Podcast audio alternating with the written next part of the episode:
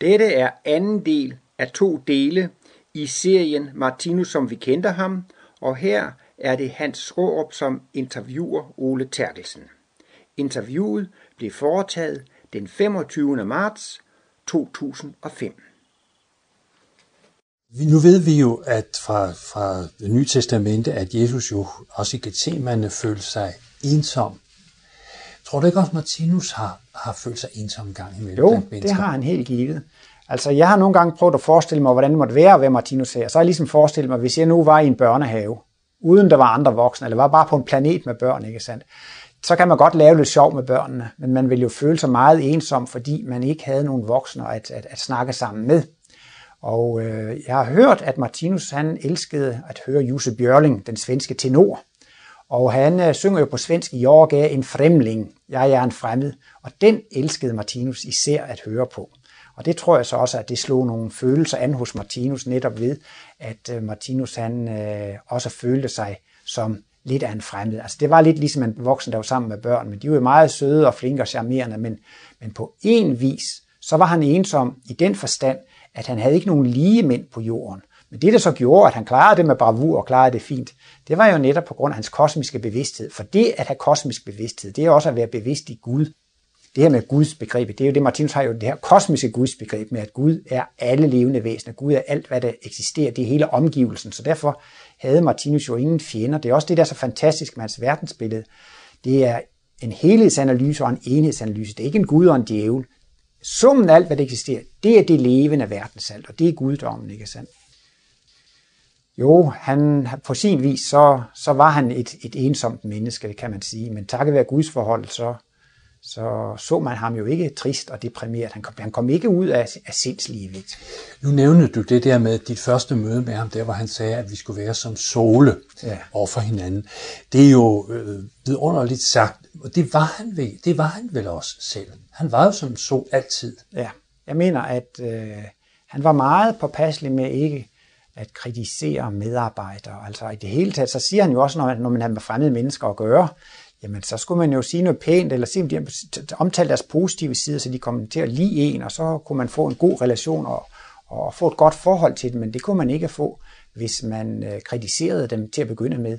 Og Martinus, han, øh, han kritiserede ikke sådan medarbejderne, men altså, det var i hvert fald meget milde i rettesættelser. Hvis nu der var en medarbejder, der kom med en meget utræret mening, så kunne Martinus sige, Nå, mener du det? Og så synes medarbejderen, det var jo interessant, at Martinus han sådan, mener du det? Men det mente Martinus, det var faktisk et udtryk for, at det mente Martinus absolut ikke. Når mener du det? Så, så det er sådan, hvis man ville mærke det, så kunne man godt mærke, at Martinus ikke var med på det, man sagde. Men hvis man ikke ville mærke det, så, så han, var, han var venlig og imødekommende over for, for alle medarbejderne. Ja, det siger han aldrig i rettesal. Det var ikke, han, han sagde ikke sådan, jeg tror, at du skulle måske gøre det på den og den måde. Eller sådan. Går han aldrig sådan noget? Jo, altså jeg har jo selvfølgelig også været inde på det, hvis det var noget med sagen, altså hans arbejde, og hvis der var en person, som gjorde noget, som han synes, det var forkert at gøre sådan noget inden for sagen, så var han altså meget bestemt. Det er rigtigt. Så kan han sige, det vil jeg ikke have, eller det skal den person ikke gøre, eller det skal du ikke gøre, og det er der en anden, der skal gøre. Der, der kunne der være fasthed og, og, og bestemthed. Og det er vel også ligesom det, han er, den måde, han anbefaler i børneopdragelsen. Ikke? Det er jo også det, at det skal helst ikke gå dertil, at vi bliver vrede på børnene. Der mener han altså også i børneopdragelsen, at det skal være grænser, man skal være fast og bestemt. Men man skal prøve at føre sit budskab frem uden vrede. Og der kan man sige, der har vi så på en måde tabt som forældre, hvis man går så vidt, at man bliver vred på børnene, når man sætter grænser. Men man skal sætte grænser med fasthed og bestemthed. Ikke? Og det var jo så også det, Martinus gjorde i sin børnehave, at han, øh, han var meget fast og bestemt med, med, med, med visse ting. Det er rigtigt. Nu, øhm, Klint, og vi talte om undervisning, ja. og du underviser ja. i udlandet og sådan noget. Øh, hvad var hans forestilling om Klint? Ved du noget om det? Ja. Altså på længere sigt. Ja. Han mente jo, at det skulle blive en skole, og det skulle blive en helårsskole, og det skulle blive en international helårsskole. I dag så kan man sige, at det administrative center det ligger på Mariendalsvej på Frederiksberg. Men øh, efterhånden så vil hovedvirksomheden komme til at ligge i Martinus Center i Klim. Hans vision med det, det var jo nærmest, at det skulle blive sådan et slags universitet i åndsvidenskab. Han, han, han sagde, at vi skal uddanne vores egne lærere. Altså han mente ikke, at det var nødvendigt, at man skulle studere i første omgang på universitetet eller seminarier. Han ville hellere selv lave en skole eller universitet på hans egne betingelser. Der var også engang på tale, at man måske kunne få noget støtte, hvis man lavede en højskole og underviste i det. Jamen, så skulle der jo være visse regler, der skulle følges, og så skulle der andre myndighedspersoner i bestyrelsen. Så ville Martinus heller undvære pengene, fordi han ville have, at det skulle være fuldstændig uafhængigt og frit, og det skulle laves lige præcis, som han ville have det. Men altså, meningen er jo heller ikke, at man skal, øh, at man skal drive missionsvirksomhed og prædike. Og det interessante med Martinus struktur, det er, at han siger, at det her det er en gave til menneskeheden. Det er givet fuldstændig frit. Der er ikke noget monopol. Alle har lov til at holde foredrag. Alle har lov til at oprette studiekreds. Alle har lov til at fortælle det. Men han ønskede, at det skulle være to steder. Og det var altså Martinus Institut på Frederiksberg og Martinus Center i Klint ved Nykøbing Sjælland. Det ville han gerne have, det skulle være under instituttet, og der skulle man så køre hans analyser så rent, uden at blande det med tingene. Og der mente han så efterhånden, at der ville komme folk fra udlandet, som vil komme og studere det. Ikke? Så det er ikke sådan, at der skal sendes missionærer ud i verden, men folk skulle kunne komme udefra, og så skulle de kunne læse 1, 2, 3, 4 år på Martinus Center Klint, og så skulle de kunne rejse hjem til deres hjemlande og fortælle om det, hvis de havde lyst til det. Jeg vil sige, at det her med Martinus, det er jo egentlig en rigtig græsrodsbevægelse. Man skal bare gøre det, hvis man har lyst til det. Der kom også en gang en mand og spurgte Martinus, øhm, Martinus, kommer jeg til at spille nogen rolle inden for din sag? Så sagde Martinus, ja, det, det kan jeg jo ikke rigtig vide. Brænder der en ild i dig for at gøre noget? Nej, der brændte ikke nogen ild i ham. Nå, sagde Martinus, jamen så har du jo selv svaret. Og det er også interessant med folk, som arrangerer foredrag rundt i, i forskellige provinsbyer. Hvis der er sådan en ildsjæl, så bliver det til noget. Og hvis det ikke er en ildsjæl, så bliver der bare ikke til noget, og det behøver man ikke at, at tage sig af. Men han havde faktisk nogle visioner. Det er jo så ikke kosmisk analyse, det er jo sådan mere visioner. Og der har han altså set, at det der klint skulle blive en, en stor by, endda en meget stor by. Han taler lige frem om højhuse. Sådan i min egen fantasi tænker jeg i første omgang på sådan en universitetsby i USA, sådan en campus. Der bor de studerende, der er jo der er universitetsbygninger. Nogle gange så er sådan et stort universitet i, i USA, det kan jo godt næsten være en 10.000, 20.000 50.000 mennesker, som lever der som lærer, elever osv. Så, så han skulle vist også engang have snakket om, at det skulle komme flyvepladser, og at det skulle blive en meget stor, et meget stort internationalt universitet i åndsvidenskab. Men nu taler vi altså århundreder, måske årtusinder. Han har engang er også skitseret, at der skulle komme et meget stort verdenscenter i Kaukasus. Både i altså hans åndsvidenskab, men altså måske også lidt i forening med verdensregeringen. Men det vil være noget, som han sætter jo ikke over på. Det er jo igen det her med profetier. Det er jo ikke det, han skal blive kendt på, at, at profetier passer på år. Men han har snakket om et par tusind år. Så jeg går ud fra, at det der Martinus Center i Klint, måske 2000 år frem i tiden, vil være det største og det førende center inden for det. Så det har jo haft en meget lille begyndelse. Det startede i 1935, altså for 70 år siden, og det er stødt og roligt vokset, og det ser ud til, at øh, denne vækst øh, fortsætter. Så det skulle ikke være nogen som helst religiøs aura på sådan et sted. Han vil ikke have, at det skulle være sådan, at hvis nu man kommer med en, hvad skal man sige, med en almindelig materialistisk human indstilling til liv, så skulle man ikke sidde og have fælles bøn og fælles meditation og fælles visualiseringsøvelser. En hver skulle føle sig meget frit og velkommen til at komme og høre og studere sådan, som man ville. Så der er også nogen, der spørger, om Martinus kosmologi er en religion, ikke sandt? Men altså, alt hvad der ellers karakteriserer religioner med, med, med, med troserklæringer, sakramenter og ceremonier og alt sådan noget, det findes ikke. Men det er klart, at én ting findes der, og det er jo det, at Martinus opfatter hele det levende univers som guddommen. Ikke sandt? Altså alt, hvad der overhovedet eksisterer af Gud. Det kan man sige, den korteste definition af Gud, det er egentlig, Gud er alt. Så i den betydning, så er det selvfølgelig en religion, fordi det arbejder med et Guds begreb. Men så er livets religion, det er livet selv. Altså han, han, han mener, at på et højere trin, så er man kun ansvarlig over for livet. Man er kun ansvarlig over for sin omgivelse, man er kun ansvarlig over for Gud. Det vil sige, at han taler altså om en meget personlig religiøsitet. Altså man kan sige, at det er en slags universel religiøsitet. Så på det område kan man jo godt sige, at det er en religion. Men ellers, det der definerer religioner, det er jo deres ceremoni og deres sange og deres overbrus og sakramenter og dogmer osv. Og det er det altså totalt befriet fra. Så det skulle altså virkelig blive mere universitetspræget. Kort og godt et internationalt helårsuniversitet. Det er jo også meget interessant, at, at det ligger på et sted, hvor der jo er god plads. Ja. Ikke fordi det, det vil jo kunne udvides i øh, meget stort omfang, fordi der er jo ikke noget, der forhindrer, Nej. at det vokser rigtig stort. Nej, jeg har jo også kigget på landkortet og set, at hele Nordsjælland, Tisvilde Leje, altså hele det der stykke, er fyldt med sommerhus, og også hele Øjsherred. Men det interessante er altså, at øh, Martinus Center kom til at ligge ved Klintsøgård, og der har været en stor sø på et par kvadratkilometer, og den blev så tørret ind og blev til, til landbrug, og det ligger lige bag ved Martinus Center. Og så findes der også et stort skovområde, der hedder Sonderupskoven. Så kigger man altså på kortet og ser, hvordan sommerhusene er strøet ud over hele landskabet, så er der altså faktisk kun lige en landevej med en smal tarm med noget sommerhus omkring Klint, og så er der så store udvidelsesmuligheder. Så det er nok øh, valgt meget godt. Nu uh, har jeg hørt, at Martinus på et tidspunkt uh, planlægger, eller han planlægger, han vil uh, begraves, eller, eller der, ja. han skulle, hans øh, jordiske rester skulle øh, sættes i et mausoleum ja. deroppe. Ja. Det undrer mig, at den beskedende mand lægger så stor vægt på, at hans krop skal bevares for eftertiden. Ja. Hvorfor tror du egentlig det? Ja, man kan sige, at Martinus ønskede ikke noget for sig selv, som han ikke ønskede for alle andre mennesker. Så det, at han ønskede også, at alle andre mennesker skulle komme til at opleve det samme. Men øh, Martinus han øh, kaldte jo sit arbejde for det tredje testamente, og han talte om, at der var nogle ting, som ikke var med i Bibelen, øh, fordi at det kunne den tids mennesker ikke forstå. Jesus sagde også, at jeg har meget mere at fortælle jer, men I kan ikke bære det. Men det skal altså komme senere. Og øh, blandt de ting, så er det jo blandt andet de seksuelle polanalyser.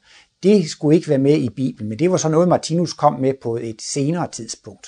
Og et andet meget stort område på noget, som ikke er med i Bibelen, men som er med i Martinus, det er jo altså kærlighed til mikrokosmos, til mikroverdenen. Martinus sagde, at da han fik kosmisk bevidsthed, så kunne han se, at det ikke bare var menneskene, der var levende, jordkloden var levende, solsystemet var levende, galaksen var levende, men også når man gik ned i mikrokosmos, kunne han se, at organerne var levende, cellerne var levende, molekyler og atomer, og han kunne se, det det i det uendelige ned i mikrokosmos. Ligesom de her fraktalbilleder, der kan man også gå uendeligt ned i mikrokosmos, er ligesom tallene 0,1, 0,01, 0,001. Man kan blive ved med i al uendelighed at gå ned i mikrokosmos i tallene, altså fraktalernes verden, men det kan man altså også i mikrokosmos. Og det Martinus har gjort, det er, at han har udvidet den næste begrebet. Man taler jo om, at man skal elske sin næste. Hvem er min næste? Ja, jøderne har måske opfattet i første omgang, det var andre jøder, og så var det hedningene, de var, dem kunne man godt uh, bekrige. Men efterhånden er man nået frem til min næste, det må være alle mennesker. Men Martinus har i den grad udvidet næste begrebet, at det også inkluderer dyrene, og derfor har blandt andet jo behandlet i den ideelle føde, anbefaler Martinus jo vegetarisme for, at vi ikke skal slå dyrene ihjel, og fordi at det heller ikke er godt for vores sundhed. Men så er det altså også hele vores mikroverden med celler og så videre, at det er også noget, man skal tage hensyn til. Han mener for eksempel, hvis man nu ryger, så øh, plager man faktisk lungerne som et levende væsen, og man plager altså også cellerne, eller hvis man forgifter sig med, med forskellige øh, narkotiske stoffer osv. Øhm, så han har udvidet næste begrebet til ikke bare at være mennesker, men også at være organer, celler og levende væsener under celleniveauet. Og så er der så, altså når man dør, så er det jo det, at folk tror, at nu er lige dødt. 100% dødt. Og det er den almindelige opfattelse. Men der siger Martinus, han kan med sit kosmiske klarsyn se, at der er liv under celleniveauet. Når blodet ikke kører rundt mere, så kommer det ikke ilt rundt. Og derved dør jeg, mine organer og cellerne samtidig. Men Martinus kunne se, at der er liv under, og det var det liv, som han ønskede at beskytte. Det liv, der var der, det skulle have lov til at dø på en naturlig måde. Og øh, det er jo ikke noget, vi kan opleve direkte, men man kan måske godt se det logiske i, at der er liv langt nede i mikrokosmos. Og det er altså et kærlighedsønske om at beskytte livet i mikrokosmos. Det er altså fordi han vil opfylde næste kærlighedsbuddet med også at elske sin næste i mikrokosmos. Og der er det så, at man har den mulighed, at man kan blive brændt, kremeret. Og der mener Martinus, hvis man lader sit liv brænde, så brænder man levende animalske liv, som altså lider stor lidelse.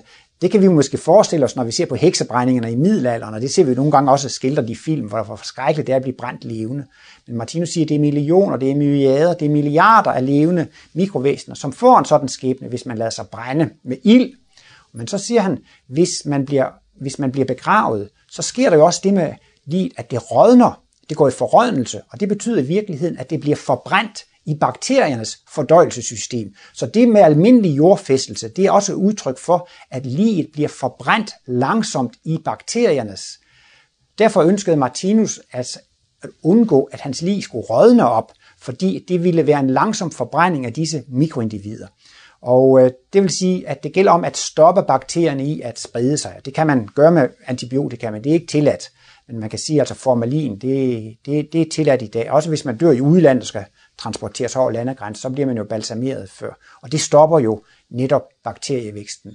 Der er også nogen, der undrer sig over, at Martinus spiste kage, og så var der nogen, der sagde, det er da usundt. Så sagde Martinus, det hører ikke med til min mission at danne skole på dette område. Men Martinus, han rørte altså ikke tobak, alkohol, kød osv. Det er fordi, han skulle danne skole på dette område. Det hørte med til hans mission. Så var der andre ting, som han synes, det hørte ikke med til hans mission. Og øh, der er der så altså det med, med, med hans øh, læge der. Der ville han gerne, vi, altså det var lige så vigtigt for ham, som det var altså at vise kærlighed. Så derfor ville han altså ikke, at, at han skulle begraves, men at, at, at han skulle balsameres, og han ville gerne hensættes over jorden. Men det er jo ikke fordi, at Martinus ønskede noget særligt for ham. Han ønskede, at alle menneskers krop skulle få den samme kærlige behandling. Så det er ikke fordi, at han følte, at han skulle være noget særligt. Men man kan selvfølgelig sige, at ved at han gjorde det her ønske meget klart og tydeligt, så bliver han jo så en, en ledestjerne eller en foregangsmand, så går, så går han i forvejen.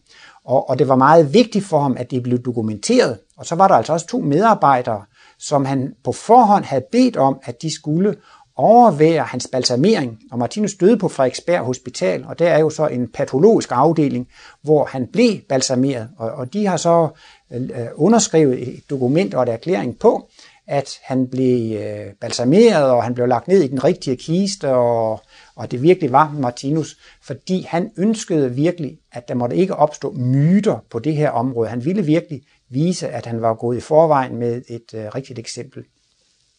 Men det bliver faktisk lidt besværligt, fordi at øh, kirkeministeriet, de tillader ikke sådan, at man stiller kister øh, over jorden. Og det er meget få steder, altså man, man accepterer kun, at man placerer en kiste på, på kirkeligt område, og der var måske nogle ganske få kirker med nogle krypter, med nogle adelsmennesker, eller det var meget svært. Så Martinus kiste stod i, i fem år indtil 1986, der stod det i, i Vesterkapel på sådan en slags langtidskapel. Men de begyndte efterhånden at, at rykke lidt for det, og øh, kirkeministeriet, de, de var ret ubønhørte. De syntes altså, at man måtte se at få ham begravet. Men så var der så en medarbejder, der opdagede et, øh, et, en, en, et mausoleumsbygning på Frederiksberg, ældre kirkegård på Frederiksberg Allé. Man havde bygget det oprindeligt, fordi man troede, at det skulle være til urnehaller. Der var mange mennesker, som man havde forudset, at folk ville stille deres urner ind på hylder og så videre, men nu er der mange, der, der begraver deres urner, så i, i sådan et lille lokal, der stod vist bare haveredskaber der. Og så spurgte man så, om man kunne få lov til at lege det. Og det kunne man så, og det er et på kirkeligt område, og det var en meget fin løsning. Og der står så Martinus kiste i sådan et lille rum i, øh, han, altså da han var blevet balsameret, blev han løjet ind i sådan en zinkkiste, og den blev sat ind i en smuk trækiste, og der står bare lige Martinus for enden af kisten, og så på endevæggen der i det lille mausoleum kan man så se sagens flag, og det er et symbol over det levende væsen og grundenergierne, og det er i virkeligheden også et symbol på det levende verdensalt. Og jeg ved ikke, hvor tydeligt Martinus har sagt, eller det er en fundering, men måske vil det engang blive FN's flag. Altså verdenssamfundet vil få et nyt flag, for man kan ikke få et flag, der er mere universelt end et flag, der symboliserer et levende væsen. Og eftersom universet også er et levende væsen, så bliver det jo et meget glimrende. Så det ser meget smukt og, og meget enkelt ud. Men det er jo meningen, at Martinus senere så skal overføres til Klint, til et, et, et, et pyramidemausoleum på et tidspunkt. Ja, det er rigtigt. Disse planer har man, men altså, øh, man skal åbenbart være meget kendt, før kirkeministeriet giver dispensation til sådanne ting. Og jeg ved, at man har i første omgang lejet det der ude på Frederiksberg Kirkegård for 40 år, så det må løbe ud i 2026.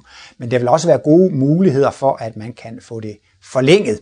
Om det så bliver, det bliver aktuelt med at forlænge det.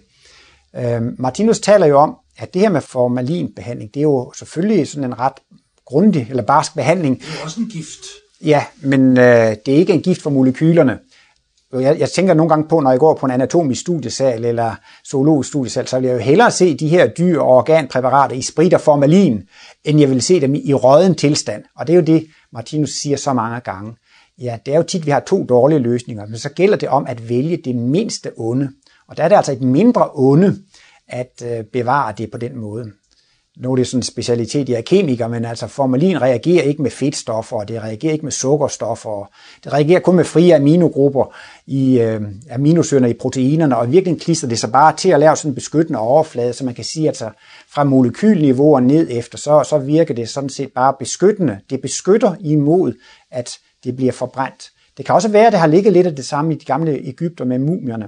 Men Martinus siger, at naturens naturlige måde, det er altså mumificering. Altså det, den, den, naturens, eller den ideelle måde for bal, balsamering, det er en mumificering. Det vil altså sige, at lige tør ganske langsomt ind, uden at det går i forrådnelse. Så spørgsmålet er bare, hvordan man kan hindre forrådnelsen. Og der ved jeg, at Martinus var faktisk lidt interesseret i pyramidekraft, dengang det var meget oppe, og han, han fik også en lille kov- eller bronzepyramide, hvor han så prøvede at lave eksperimenter med at lægge sit barberblad ind under. Han mente, at det havde en god effekt. Og øh, ja, det måske, han sagde jo faktisk også en gang ved et lejl, at han kunne se, at der var sådan ved pyramiden sådan en, en slags flamme op, altså han kunne se, at der var der sådan en, en speciel øh, pyramidekraft, og det kan man, der er jo også nogen, der har eksperimenteret med at lægge jordbær og sådan noget under pyramider, og så er den, der lå under pyramiden, går ikke i foran så hurtigt som en anden. Så på længere sigt kan man godt forestille sig, at man vil gå over til at bruge øh, øh, antibiotika, men måske ligefrem en slags strålingskraft eller helbredelseskraft, eller man ligefrem vil, vil bruge en slags pyramidekraft i fremtidens balsamering. Man har altså ikke forsket i det. Martinus siger, at det der med formalin, det er så groft, så det vil man ikke engang gøre i fremtiden. Men hvis valget står imellem forrørelse og formalinbehandling, så er formalinbehandling langt det kærligste at, at, at, at vælge det. Og det er så også derfor, at han har bestemt, at han, når, når han bliver sat op på klint, så skal det være under en pyramide. Han har ikke sagt det specifikt, men øh, jeg går stærkt ud fra det. Og han har jo også, øh, han taler jo om, at, øh, at der er jo en stor udvikling på jordkloden, men det bliver jo også fuldt fra, fra åndelig side, og det vil sige, at, at der, han taler om et verdensgenløsningsprincip, et forældreprincip, at nogle gange kommer der ældre brødre i udvikling, som hjælper med til, til udviklingen her på kloden. Og øh, der vender han tit tilbage til det med pyramiderne i Ægypten, og det var jo så cirka for 90.000 år siden. Og der mener han virkelig, at der også kom højere væsener, altså øh, kosmisk bevidste væsener, som hjalp mennesker ind. Han mente, at på det tidspunkt, så var menneskene så primitive i deres udvikling, at det var første gang, at de var modtagelige for en højere åndelig vejledning. Og derfor var det altså meget specielt med pyramiderne.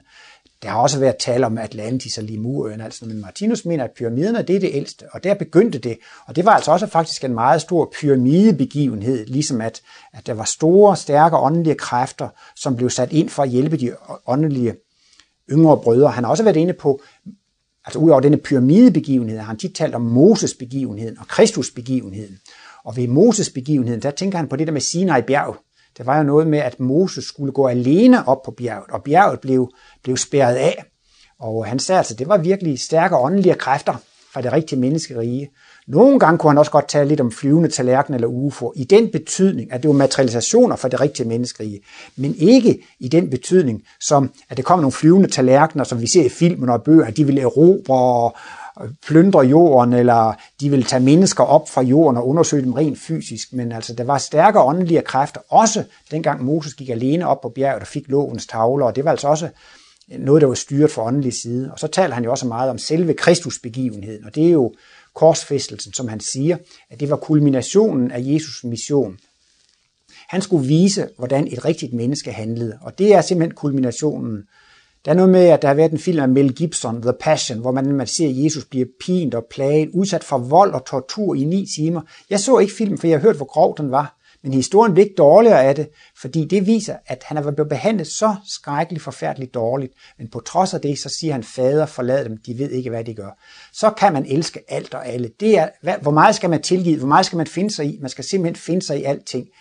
Fra det øjeblik af, siger Martinus, var det ikke længere logisk, at hævne sig på denne klode. Man sagde tand for tand og øje for øje, man forstod ikke andet. Det var jo ren vollepyg at sige, at man skal velsigne sine fjender og elske dem, der hader og forbander en. Men der blev det vist, og det siger Martinus, det var så stor og stærk en global begivenhed, at øh, det står jo også i, i Bibelen noget om, at øh, det var blevet jordskælv, og, og det var så kraftigt, at forhænget det, det blev revnet i templet, og de døde stod op for gravene. Og der mener Martinus netop, at, at der har været nogle psykiske mennesker, som kunne se, at der var nogle åndelige væsener til stede. Men han mener ikke, at det var de døde, der stod op af gravene, men netop, at det blev overværet af rigtige kristusvæsener fra, fra det åndelige plan. Så det var altså også en meget, meget stor begivenhed fra, så det er i hvert fald sådan tre verdensgenløsningsbegivenheder, som man har hæftet så meget ved. Det med pyramiderne og det med Moses, og så det med Kristusbegivenheder. Og derfor har pyramiden altid spillet en speciel rolle. Han fortæller også, som en lille sideblik, at han gang fik, og det er sådan mere hans klærvariante syn, som han egentlig ikke bruger, og han sagde faktisk også, at det skulle han ikke bruge, men nogle gange så opstod det altså spontant. Det hørte ikke med til hans arbejde, han, han, han økonomiserede virkelig med sine åndelige evner og gjorde kun det, han skulle, og det var at skabe en åndsvidenskab og skabe åndelige analyser. Men han var jo engang på besøg ved pyramiderne, og så sådan spontant, så fik han en vision af pyramiderne. Og der ser han, han så dem skinnende, skinnende hvid med sådan en slags porcelænsagtig belægning og med en gylden top, og han så smukke tempelhaller og palmer og så videre, så altså virkelig, at det var meget smukt, og fik altså også den oplevelse, at det var meget ældre, end naturvidenskaben tror. For de regner måske nogle gange med 5.000 år gamle, eller 10-12.000 år gamle. Og man sagde jo, at Keopspyramiden var 80-90.000 Ja, det var, hvad han oplevede. Men det er ikke bekræftet af naturvidenskaben endnu, men det kommer måske. Men, men netop også, at de på det tidspunkt, da de byggede pyramiderne, havde adgang til en, en, en særlig kraft, der gjorde, at stenene kunne ja. løftes. Ja. Så Martinus han mener altså, at almenheden, de var meget primitive, meget almindeligt udviklet, men at det faktisk, enten var det direkte mennesker, som materialiserede sig ind fra det åndelige plan, eller så var der altså nogen, der var født ind. Men han taler også om, at der er så mange engle, der viser sig i det gamle testamente. Så kommer Herren med to engle og viser sig for Abraham, og der er så mange eksempler på, og der mener Martinus rent, at det er altså højtstående væsener fra det rigtige menneskerige, som har materialiseret sig for at hjælpe. Tidligere, da jorden var tyndere befolket, så, så var det oftere og de hjalp meget til. Nu om dagen, så vil vi jo blive meget forskrækket, hvis der er nogen, der, der kommer og materialiserer sig. Han var jo også meget på Island. Hvor det, er ja, meget det vil jeg netop folk. spørge dig om, fordi der siger han jo netop, at der er, der, der er der meget tyndt. Ja, der, den åndelige atmosfære er meget ja. renere, og, og derfor kan sådan noget forekomme. Og omvendt var det også, han sagde lige efter sin kosmiske bevidsthed, at der var sådan et tryk, i en stor by, fordi der var så mange, så øre åbnede børsen om morgenen, og så gik forretningslivet i gang, og så kom der jo sådan en, en griskhed og en kamp, og, og det øgede faktisk et tryk på hans bevidsthed. Det var en helt anden åndelig atmosfære i en storby, og der er han siger, han kunne ikke have levet i sådan en storby uden at bede til Gud, fordi det kunne ligesom lette trykket på, på den bevidsthed. Så det var mere almindeligt i gamle dage, at man materialiserede sig ind. Men han har også forklaret flere gange med materialisation, øh, hvordan det foregår, og han har også skrevet om det. Men han bruger nogle gange en analogi fra radioens verden, hvis man øh, sidder og laver et interview. Når man taler, så kommer der jo nogle fysiske lydsvingninger i molekylerne, og de går så ind i mikrofonen. Men så kan blive det omsat til elektronik, og så bliver det udsendt som elektromagnetiske bølger, der går med lyshastigheden. Så kan man sige, så er den fysiske side faktisk blevet dematerialiseret, og så bevæger det sig i den åndelige verden. Han mente, at den åndelige verden var en elektromagnetisk verden. Og så kom det så til en eller anden antenne, og så et fjernsynsapparat eller radioapparat, og så bliver det så materialiseret, og så bliver det igen til fysiske svingninger. Så det vil sige, at der er en fjerde tilstandsform, en, en åndelig tilstandsform. Vi siger jo, at vand, det kan være is, og flydende vand og, og, og damp. Men Martinus mener også, at det kan forvandles til en fjerde, en stråleform. Det kan ligesom øh, cykle igen mellem disse tilstande. Og øh, der findes jo stenbrud, hvor man mener, at de her sten til pyramiden er hugget ud. Men så mener Martinus altså, at disse højtstående mennesker, de kunne dematerialisere dem. Og ligesom man kan sende et radioprogram afsted af åndelig vej eller af bølgemæssig vej, så kan man også sende sådan nogle sten afsted. Og så kan man så også øh, materialisere dem, så de mm, øh, bliver, bliver lagt på de rigtige steder. For det var lidt interessant, Øh, at Martinus var interesseret i Uri Geller. Det kan man blive sådan lidt forbløffet over på en måde. Men netop når han taler om de der ting, så var det jo meget interessant for ham at se det på fjernsyn og læse bøger om det, for der er jo så eksempler med Uri Geller på, at der er genstande, som forsvinder et sted, måske i USA, og bliver materialiseret i Israel, eller en ting, der var inde i en kasse, bliver dematerialiseret, og så var der måske en kuglepenspatron inde i en kuglepen, inde i en kasse, og så forsvinder patronen, og, og han, Uri Geller viste jo også, hvordan han kunne bøje øh, knive og gafler osv. Martinus mener, at det er rigtigt, at vi vil få så udviklet en bevidsthed, at bevidstheden begynder at kontrollere materien. Det var også det, der gjorde, at Jesus kunne lave mirakelhelbredelser. Ikke fordi, at Uri Geller skulle bekræfte Martinus analyser. Det er det, Martinus analyser, de har en indbygget logik og kraft. Han behøver ikke andre forfattere og andre ting for at bevise, at det er rigtigt, det han har skrevet. Men han var alligevel meget interesseret i Uri Geller, fordi han synes, det bekræftede mange ting. Og det var jo også, når nu Uri Geller kom ud i hundreder af millioner af hjem, så var det også ligesom, at den her nye åndelige impuls, altså det her, hvor, hvor mystikken og det parapsykologiske, det blev frigivet, så blev det også virkelig frigivet. Så på den måde havde Uri Geller en speciel mission med at få det ud. Men uh, Martinus siger så også på et tidspunkt, at ja, han blev vist lidt skuffet Uri Geller, da han opdagede, at det ikke var hans egne kræfter, men at han var medium for højere kræfter. Martinus forklarer jo med udviklingen, at en gang, så skal vi blive alkærlige. Det kan man måske forestille sig, at vi skal blive meget kærlig. Også alvidende. Måske kan man også forestille sig takket ved intuitionen, når man får adgang til al viden i universet. Jeg har altid haft lidt svært ved at forestille mig, hvordan vi skulle blive almægtige. Vi skal jo blive Guds billede, alvise, almægtige, alkærlige. Hvordan kan et lille menneske blive almægtig? Men der er det jo så netop, at hvis man kan blive redskab for højere kræfter, og det var Jesus jo så også, ikke sandt, når man gør det rigtige, når man gør Guds vilje, så kan man blive redskab for højere kræfter, og så kan man så at sige gøre hvad som helst.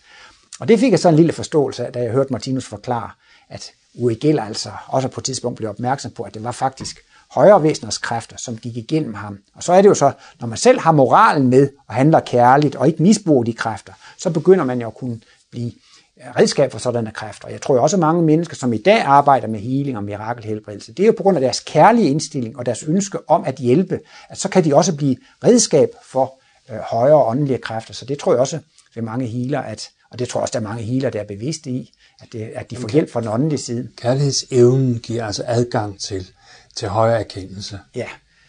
Martinus refererer jo også nogle gange til den der historie fra Bibelen med, at man skal være inviteret til bryllup, og så skal man have bryllupsklædningen på for at kunne komme ind til brylluppet. Og det er jo et symbol på, at for at få adgang til de højere åndelige verdener, så skal man jo også være, være human og, og, og kærlig. Han siger det også lidt humoristisk i forbindelse med kosmiske glimt. Det er altså de, man kan sige kunstnere og opfindere og så videre, de kan få nogle meget inspirerede øjeblikke, men endnu stærkere over inspiration er noget, han kalder for kosmiske glimt. Og det vil sige, at der får man en direkte intuitiv sansning af nogle af, af verdens altid sandheder. Man kan opleve, at man er udødelig. Man kan opleve, at det vi opfatter som det onde, i virkeligheden er kærlighed, forklædning, og det er noget, man kan faktisk opleve Guds bevidsthed. Man kan opleve, at alt er så godt.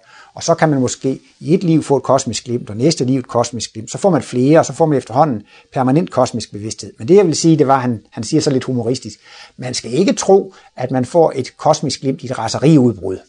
Og det vil jeg netop sige, hvis jeg er sur og vred og gnavende og utilfreds med det, så er jeg ikke på bølgelængde med den åndelige verden, så er I ikke bryllupsklædning på, og så får jeg ikke nogen tilgang.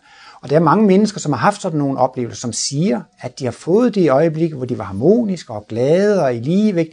De har måske haft nogle skønne naturoplevelser eller skønne oplevelser med kunst og poesi. De har været så glade, de har været taknemmelige for livet. Livet er dejligt. Åh, hvor er det skønt at leve. Hvor er det dejligt. Hvor er det dejligt og skønt. Og så helt spontant, så kan de få sådan et kosmisk glimt. Og så har de jo netop fået bryllupsklædning på. Så er de på bølgelængde med om vi så må sige, den åndelige verden eller, eller med guddommen. Og så kan man godt have nogle andre sider, øh, som måske ikke er helt færdigudviklet, men man kan i sine gode stunder så være i balance og harmoni, og så kan få, få man en smag på de højere åndelige verdener. Interesserer Martinus sig for sådan den tekniske udvikling, hvad der sådan skete der, altså med radio og fjernsyn Nej, og den slags det kan man ikke sige, han gjorde.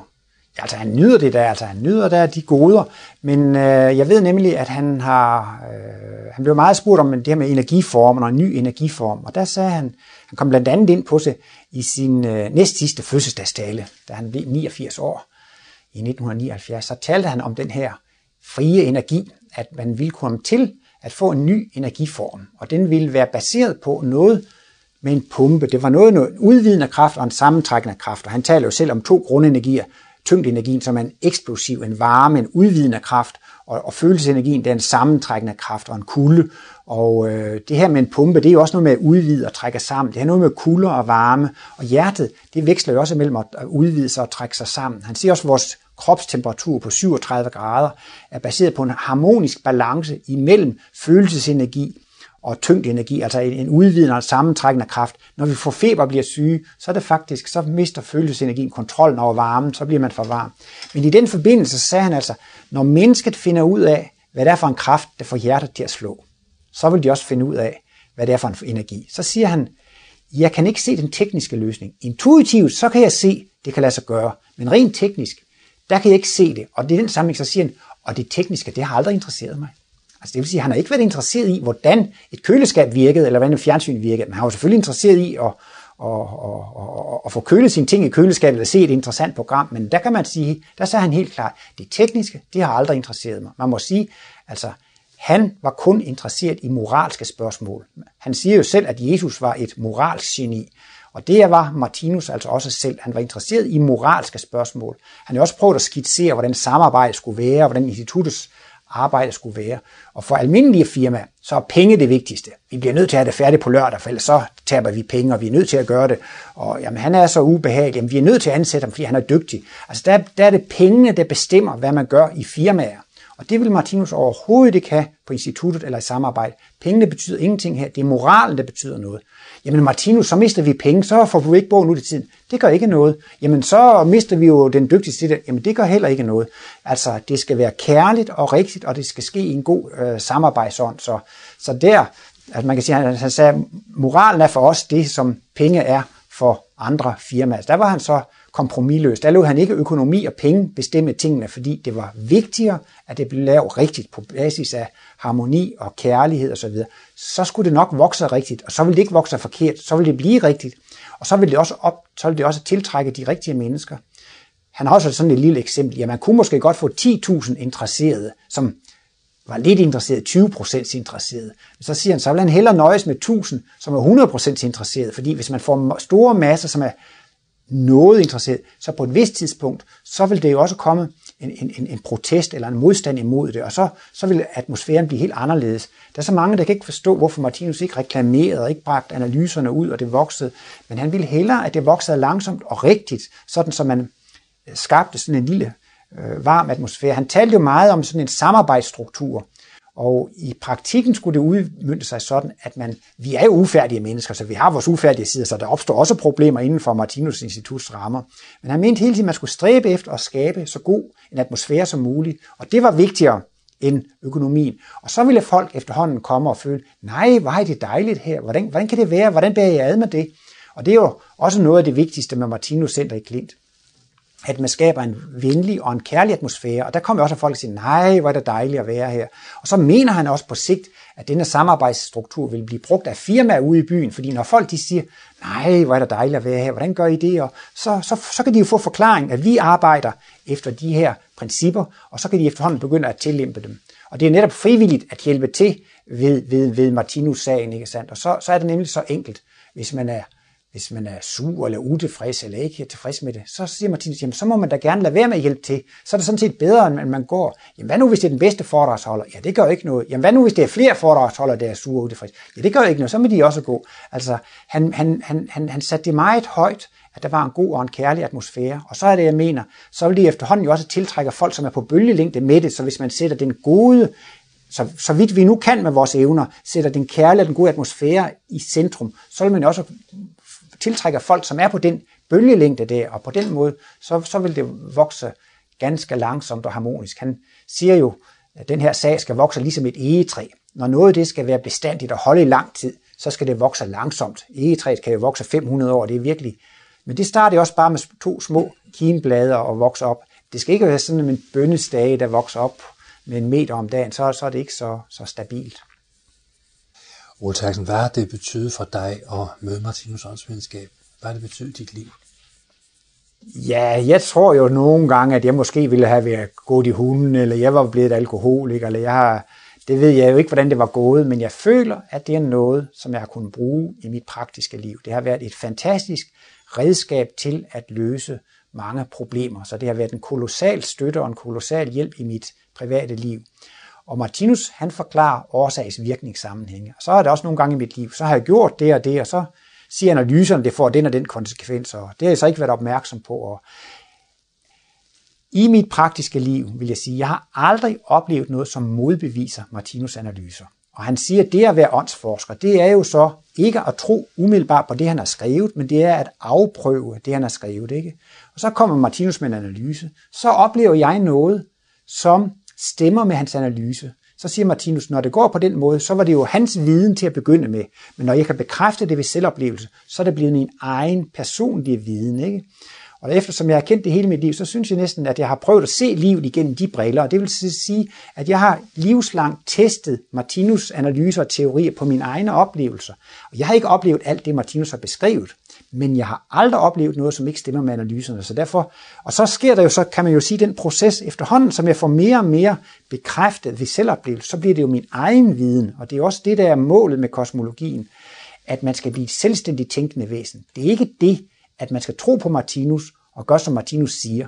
Men det, han hjælper til, det er, at man selv kan forstå livet. Og når man selv forstår, hvordan livet fungerer, så begynder man selv at kunne tænke, selv at kunne planlægge. Så det, det er en, en vidunderlig hjælp til at lære at forstå livet. Han siger også, at livets bog er en håndbog i at iagtage livet. Jeg har læst biologi, og der havde vi Rostrups grønne flora, og det er en håndbog i at iagtage planter. Så får man en stor hjælp i, hvordan øh, man kan lære planterne. Men Martinus, det er en håndbog i at iagtage livet, og for mig har det jo været en uvurderlig gave og haft sådan en håndbog eller sådan en faseliste. Så kunne jeg se der og der, ligesom man kan lære blomsterne meget hurtigt at kende, når man har sådan en bog der, så kan man også lære øh, øh principperne og lovmæssighederne i livet. Så, så det har jo betydet meget i mit liv, og øh, for mig har det jo altså også betydet, at det har, blevet, det har været mit livs store interesse, og øh, jeg har så også været så heldig, at jeg har næsten kunne gøre min hobby til, til mit arbejde, fordi at øh, jeg har, har haft mulighed for at holde foredrag og holde kurser og beskæftige mig rigtig meget med det her, så det på en måde også jo er, at jeg har fået lov til at arbejde med, med, min, øh, med min største interesse. Martinus siger også, at det skal jo blive meget mere sådan i fremtiden, at folk skal komme til at arbejde i, i, i deres, deres interesse. Så det har jo også givet mig et utroligt interessant og rigt liv, og jeg synes, at jeg har mødt utrolig mange venlige og kærlige og dejlige mennesker.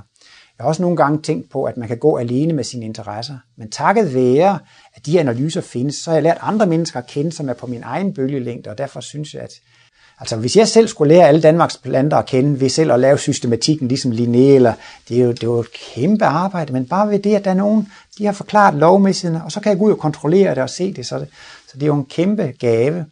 Altså jeg har jo startet fra, vil jeg sige, sådan fra en lidt mere materialistisk side og en ingeniørmæssig side, så, så det jeg sidst kom efter ved Martinus kosmologi, det var måske det her med bønden, altså at jeg kunne bedre interessere mig for talentkerner og karmer og skæbner og de levende væsens struktur og så videre, men så efterhånden, så er jeg kommet mere og mere bag ved betydning af det der med bønden og Guds forholdet, ikke sandt? Så det har jo så betydet mere og mere og mere for mig, og øh, det bliver jo så også efterhånden det vigtigste fordi det forstår man så også, også med Martinus som forbillede. Ikke sandt? Han havde Gud med i alting, og han kunne se Gud i alting. Og det har jeg også følt, at iblandt, når jeg kan mande mig op til det, selv i, i sygdom og svære perioder osv., der hvor man kan føle Guds nærvær, der, altså, og det kan man også gøre, hvis det virkelig er succes, eller en euforisk oplevelse, en dejlig naturoplevelse sammen med dejlige mennesker. Det er også godt at være bevidst i, at Gud er med der. Men jeg synes altså, det er særligt suverænt, hvis man i sin modgang og sin sygdom og depression og modgang kan føle Guds nærvær i det, for så bliver man løftet op af det. Der er det så, man kan komme til at opleve, at store problemer kan se ud som bagateller, og man kan få kraft og styrke til at tage de ting. Og det er også nogle ting, jeg har lært ved kosmologien, for jeg, jeg kan ikke gå i kirke, jeg kan ikke tro på det, altså jeg, jeg kan ikke få den hjælp i kirken i den måde, det bliver serveret på, fordi at jeg synes ikke, det er logisk. Og netop, jeg kommer jo altså fra en naturvidenskabelig side, så, så jeg, jeg, jeg er altså nødt til at skal have en logisk forklaring på det, før jeg kan gå ind på det. Og derfor har, og det har jeg ikke kunnet finde på nogen som helst andre områder inden for det religiøse eller åndelige eller New Age eller så videre. Martinus er den eneste, som har kunnet give den forklaring, som kan hjælpe mig. Men det betyder ikke, at Martinus ser ned på de andre ting. Han siger, alle religioner er berettiget, og det er en stor velsignelse. Så længe der findes mennesker, som kan blive inspireret af en eller anden retning, så er det jo guddommeligt og velsignelsesrigt. Men som han var inde på, der er nogle mennesker i dag, typisk humane materialister, de kan ikke få nogen hjælp eller vejledning nogen som helst steder. Og det er det, man har skrevet for. Han har ikke skrevet for at, at, at trække nogen væk fra religionen og kirken og sådan noget. Han har skrevet for at hjælpe de mennesker, som selv søger det, og som ikke kan finde en forklaring et andet sted. Og derfor er jeg så taknemmelig for, at jeg har kunnet finde en forklaring i livet, som har været med til at stabilisere mig og rette mig op, så jeg ved ikke rigtigt. Jeg kunne måske godt have forestillet mig, at jeg havde skejet noget ud, hvis, hvis jeg ikke havde haft denne hjælp. Så det har, været en, en meget, det har betydet meget for mig i mit praktiske liv. Martinus talte også om, hvis man har den her interesse som en filosofisk interesse, altså studere Martinus bøger, så vil man miste interessen efter nogle få år. Jeg kan også godt studere Hegel og Kant og Descartes, og, og det er vældig interessant, men efterhånden så, så glemmer jeg jo det. Men Martinus mener, at de her analyser, de har ikke så stor betydning som filosofi, men de har stor betydning i det øjeblik, man vil omsætte analyserne i praktisk væremåde, at man vil leve de her analyser. Så får de virkelig betydning. Og der var nemlig en dame engang, der spurgte meget bekymret, Martinus, kan det ske, at der er risiko for, at jeg kan miste interessen for det her? Og så beroligede han med at sige, nej, man kan ikke miste interessen for det her, så længe man er interesseret i at omsætte det i praktisk væremåde.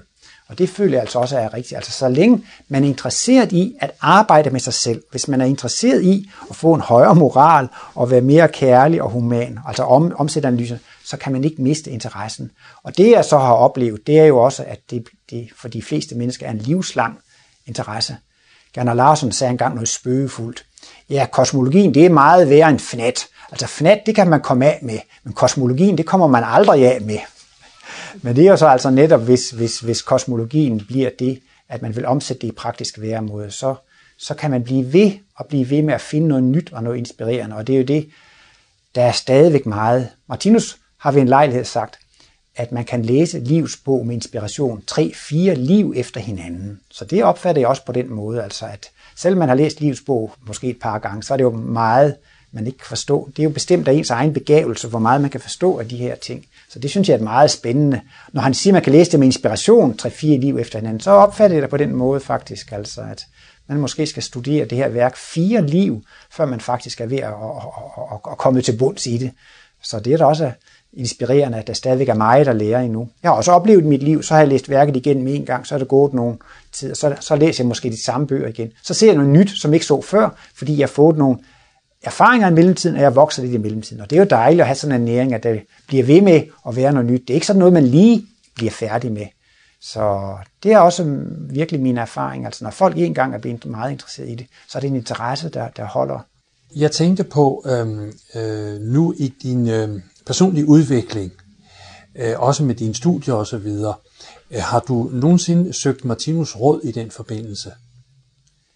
Ja, nu er jeg jo naturvidenskabelig udviklet, men det var der, eller øh, uddannet, men der var en gang, jeg havde en mulighed for det. Jeg øh, blev inviteret til sådan et, et, et te-selskab. Der var sådan en tradition med, at hver torsdag aften, så besøgte Martinus Sam Singlersen, og så var der et te-selskab, og det var så en fast stamme, og så hver gang så inviterede man så lidt nye mennesker, og så en aften, så blev det jo min tur. Og øh, jeg havde på det tidspunkt lige øh, bestemt mig for, at jeg ville undervise i fysik i gymnasiet, så derfor var jeg nødt til at studere astronomi et på universitetet. Og øh, der studerede jeg jo så om Big Bang og kosmologiske modeller. Og når man så skal regne med Einsteins relativitetsteori og andre forudsætninger, så må man til at regne med, at rummet krummer, og man kan ikke bruge den almindelige planegeometri, man skulle til at bruge en krum geometri, som sådan var ekstra kompliceret. Så tænkte jeg, fordi jeg lige været til eksamen i det.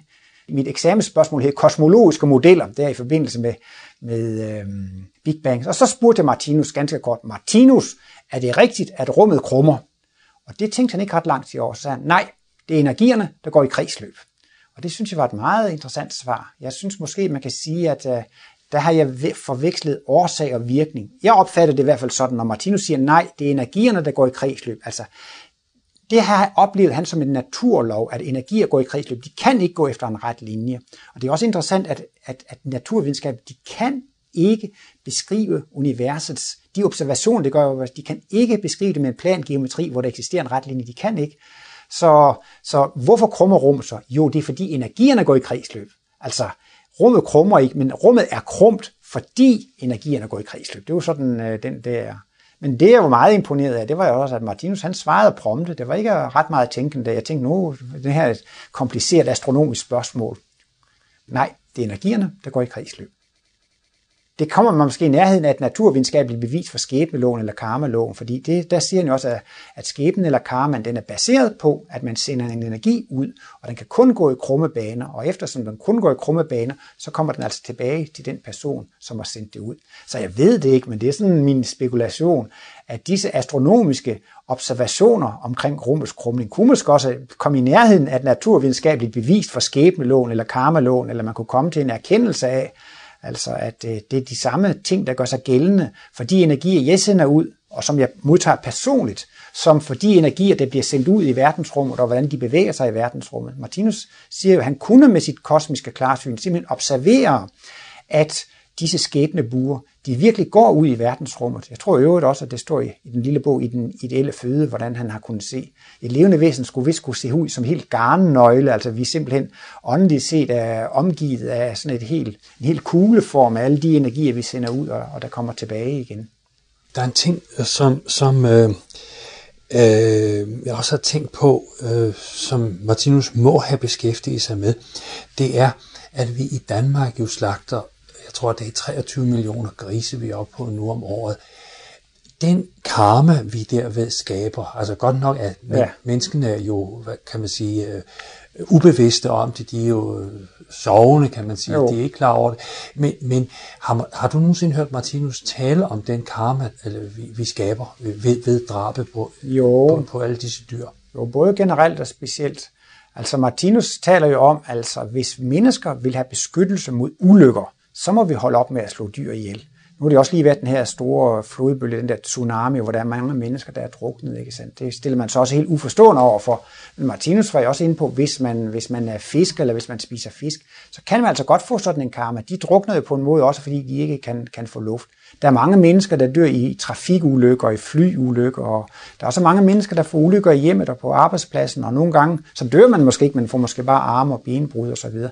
Men han siger, hvis man vil have beskyttelse mod ulykker, så må man altså holde op med at, at, at spise kød. Vi hader ikke dyrene, og derfor er der heller ikke noget had i den skæb. Dyrene oplever det som en ulykke, når, når de bliver dræbt, og derfor kan man så også selv opleve det som, som en ulykke.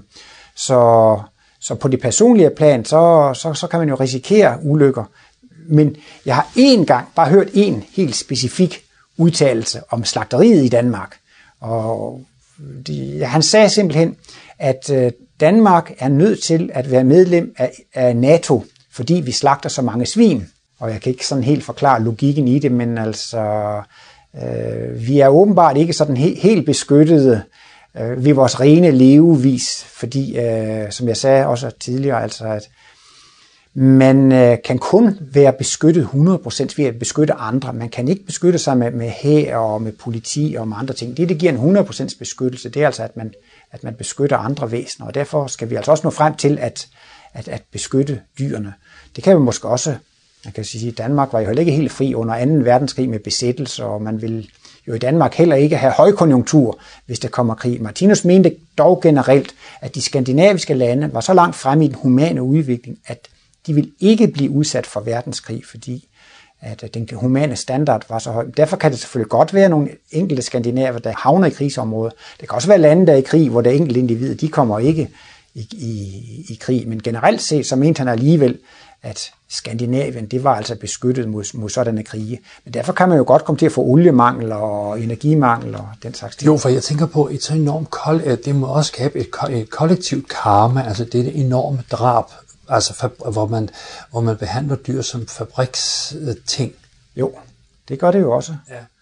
Øh, man kan også sige, at man får jo også meget karma i form af sygdomme. Han, altså, han siger, at der har to alvorlige konsekvenser at spise kød. Og det ene det er, at man er ikke beskyttet mod ulykker og drab selv, og det andet det er altså, at det er meget ødelæggende for vores sundhed. Og det er jo også en kæmpe post, for eksempel på det danske budget med sygehusene, ikke sandt? Og der mener Martinus altså, at når man spiser kød, så er vi blevet så højt udviklet, vi har så højt et vibrationsniveau, så det er for stort et arbejde at nedbryde kødet. Vi overanstrenger fordøjelsesorganerne og fordøjelsessystemet, og han mener altså, at rigtig mange sygdomme med nyre, lever, galle, tarm og mave, og også mange kræftformer, der opstår i det område, skyldes altså kødspisning. Så det har altså også virkelig en, en sundhedsmæssig øh, side. Men det kan jo også være nogle gange, altså, at man ikke ligefrem bliver slået ihjel, men at man får større eller mindre ulykker. Altså, der er jo også mange mennesker, som får arme og benbrud i ulykker.